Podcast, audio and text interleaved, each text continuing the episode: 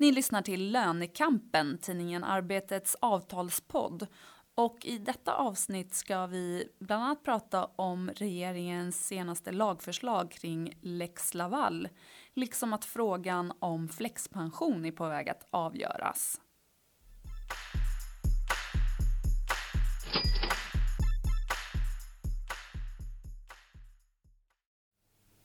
Välkomna till Lönekampen, Arbetets avtalspodd. Och ni lyssnar på det fjärde avsnittet här i podden. Och det har ju gått några veckor sedan vi sågs. I alla fall eh, Mårten, för du var inte här förra gången när vi spelade in. Var har du varit? Jag har varit på semester på ett soligt och varmt ställe. Eh, det kändes väl nätt och jämnt uthärdligt att lämna Sverige så här på vintern. Jag satt på en strand och längtade hem till avtalsrörelsen. Gjorde du verkligen det eller säger du det bara för att det ska låta bra? På slutet. Okay. Eh, när man var borta nästan två veckor då undrar man hur det går med löneförhandlingarna och allt annat som man vet var på gång i Sverige när man åkte. Ja, och du har fått lite update här nu eh, på morgonen. Var du iväg till Medlingsinstitutet. Vad hände där då? Ja, de eh, har gjort klart sin årsrapport om lönerna i Sverige 2016. Och det som kanske var mest intressant, det var nog inte lönesiffrorna som sådant utan siffror som belyser Sveriges konkurrenskraft. Det var i alla fall vad jag reagerade på. Och vad visade de då? Eh, att Sveriges konkurrenskraft trots allt eh, står sig ganska bra eh, eller har bevarats. Alltså inför en avtalsrörelse så kommer det ofta oroliga uppgifter eller oroande uppgifter från arbetsgivarsidan att, som säger att nu kostar arbetskraften i Sverige alldeles för mycket. Vi har släppt iväg lönerna och nu kommer svenska företag att slås ut. Vi kan inte konkurrera med de här lönerna. Eh, Medlingsinstitutet bekräftar inte den där bilden. Eh, de har bland annat tagit fram siffror för vad arbetskraften kostar när man producerar en vara i Sverige och så samma eh, kostnad då i andra länder i EU och OECD. Det här måttet kallas enhetsarbetskostnaden. Och de senaste åren, siffrorna gäller 2013 2013 till 2015 så har den här kostnaden då ökat med i snitt 0,2 procent om året i Sverige. Det är alltså nästan ingen ökning alls. Och samtidigt har den ökat med i snitt 3,5 procent, 3,5 procent var det ja, i eh, de länder i OECD och EU som Medlingsinstitutet jämför oss med. Eh, så att de här åren har väl Sverige faktiskt vunnit mark, inte tappat mark. Och vilket då så enligt Medlingsinstitutet skulle svenska löntagare kunna få högre löneökningar då? Ja, det här är historiska data. Det beskriver hur det har mm. sett ut åren som har varit. Uh, och de säger uh, i alla fall att vi inte har förstört vår konkurrenskraft genom att ta ut uh, väldigt höga löneökningar. De, däremot så anger inte Medlingsinstitutet något utrymme för hur mycket lönerna får öka framöver. Men på tal om löner så träffade du också um, Lars Calmfors förra veckan. Eh, han är ju ordförande i arbetsmarknadsekonomiska rådet. Eh, och um, han pratade om, just det, det vi ska säga också att eh, arbetsmarknadsekonomiska rådet finansieras av Svenskt Näringsliv. Men han pratade om märket. Vad sa han då?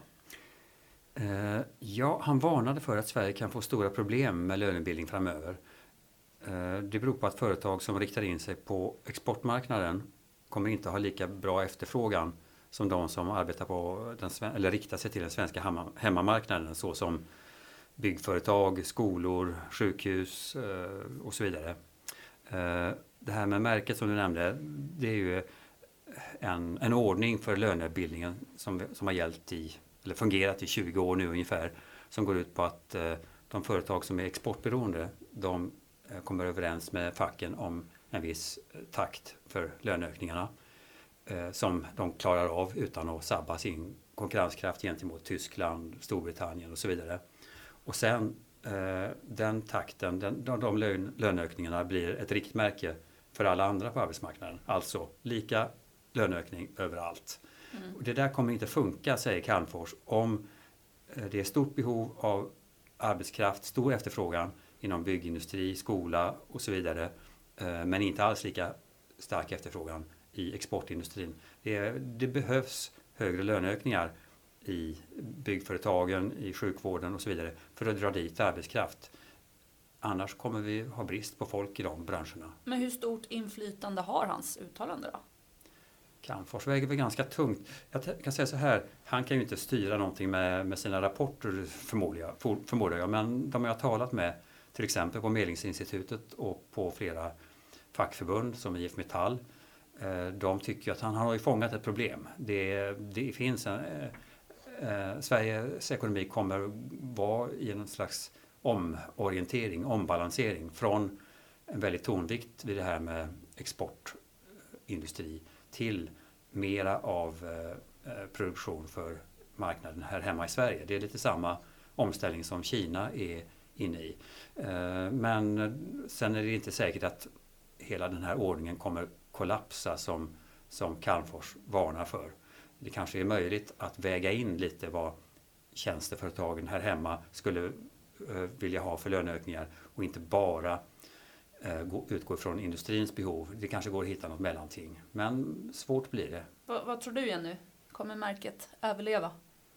Det vet inte jag, men, men man kan ju se de här eh, spänningarna som eh, Mårten pratar om mellan hemmamarknaden och den eh, exportmarknaden i, i avtalsrörelsen också. Som förra året så var ju 6F, alltså där bland annat byggsamarbete, faktiskt samarbete bland annat byggindustrin ingår på väg att försöka dra ifrån eh, märket och det inte fanns någon LO-samordning om det sen inte blev så. Men nu förra veckan i, så växlades eh, yrkanden gällande elektrikernas nya avtal och då betonade Elektrikerförbundet i sina yrkanden att deras eh, bransch är eh, liksom har en starkare ekonomi och skulle kunna bära större kostnadsökningar än enligt den LO-samordningen som man nu ansluter sig till.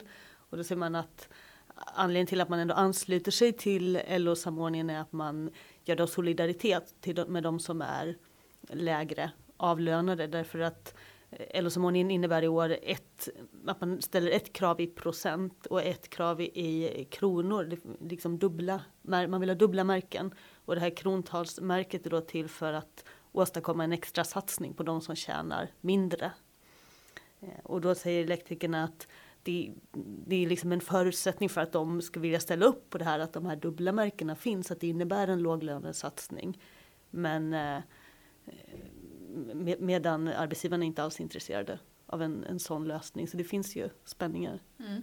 Det är jätteintressant det du säger Jenny, att eh, elektriker och byggjobbare eh, vet att vi skulle egentligen kunna få ut mer löneökningar.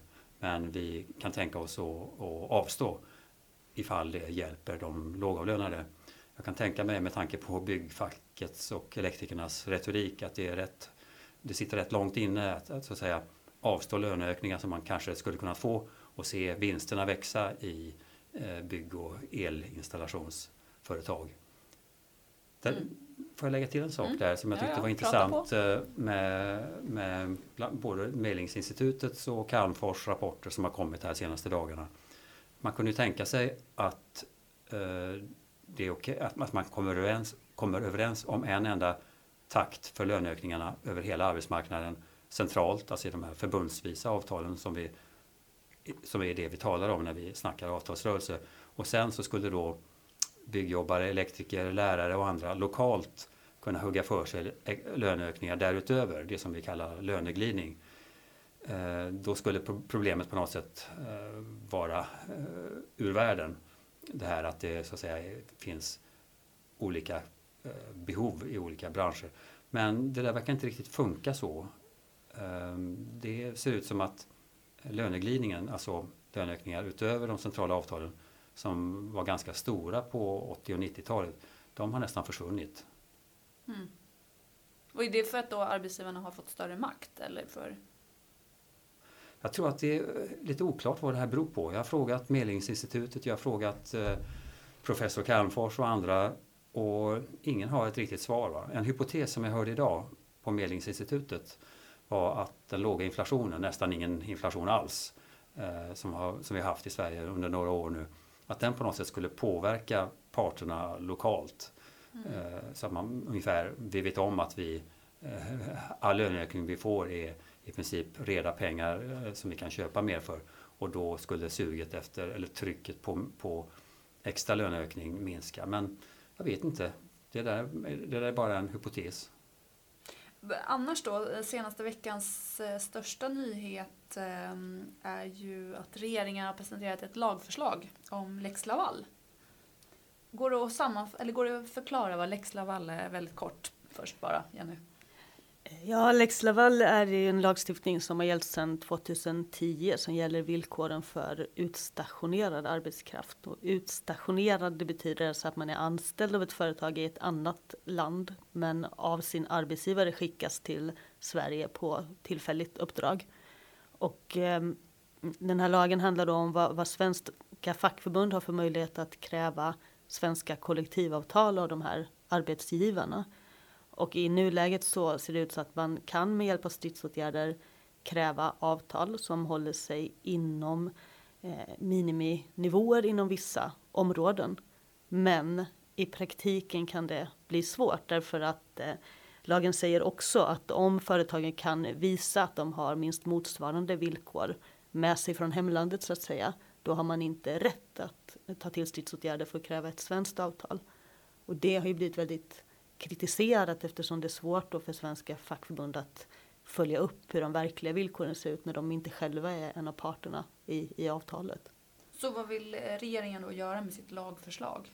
Ja, den stora förändringen är att den här eh, bevisregeln som den kallas föreslås tas bort. Alltså det betyder att man ska ha rätt att ställa krav på svenskt kollektivavtal oberoende av vilka villkor som finns från hemlandet. Men det är fortfarande så att det inte är ett fullständigt kollektivavtal eh, så som man skulle krävt av ett svenskt företag utan det ska vara nedskalat då till att gälla minimivillkor inom vissa områden för det är det EU-regler som styr så det rår man inte riktigt på med svensk lagstiftning. Har det här någon, äh, lagförslaget är presenterat? Eller är det? Ja, det har formellt läggs det fram eh, nu under veckan men de har presenterat innehållet i det. Och sen ska det då beslutas i riksdagen? Ja. Och det kan dröja då några månader kanske? Eller? Så enligt förslaget skulle det här börja gälla till sommaren tror jag. Så att, eh, men sen vet vi ju inte hur det kommer gå i riksdagen så man vet Nej. ju inte om det här blir eh, verklighet. Innan jul så sa Sverigedemokraterna att de skulle rösta igenom ett förslag av den här sorten men eh, de har inte eh, när jag sökte dem i, i fredags så ville de inte kommentera det i nuläget. Så det får man ju se. Men, men, men för avtalsrörelsen har det då ingen betydelse? I alla fall inte för denna. Eller? Nej, den, det har väl en betydelse långsiktigt, liksom, för det handlar om för, eh, om kollektivavtalen ska vara relevanta för alla som arbetar i Sverige. Men mm. det är svårt att säga att det skulle direkt påverka själva förhandlingarna som pågår just nu. Och då, för att, bara så att jag förstår det rätt. Det här innebär alltså inte att, alltså lagförslaget innebär inte att alla som jobbar i Sverige kan kräva samma villkor. Nej, lagförslaget innebär att man kan kräva att de tecknar kollektivavtal, men kollektivavtal då som gäller minimivillkor inom vissa områden som alltså är eh, nedbantade. Eh, sen pågår det på, på EU-nivå en eh, diskussion om regelförändringar som skulle kunna innebära att man kan kräva lika lön på sikt. Men det ligger i så fall längre fram och det är ett väldigt omdiskuterat förslag mm. så det, det, får man också se. Och vad det gäller då det här med minimi nivå på övriga villkor så finns det inget som skulle ändra på det i nuläget att det måste hållas på den nivån. En annan fråga som eh, står inför avgörande är ju flexpensionen som du är insatt i, Mårten. Vad är flexpension? Här. Ja, vad är flexpension? Ska vi ta det lite från grunden ja. så har du som anställd två slags pension.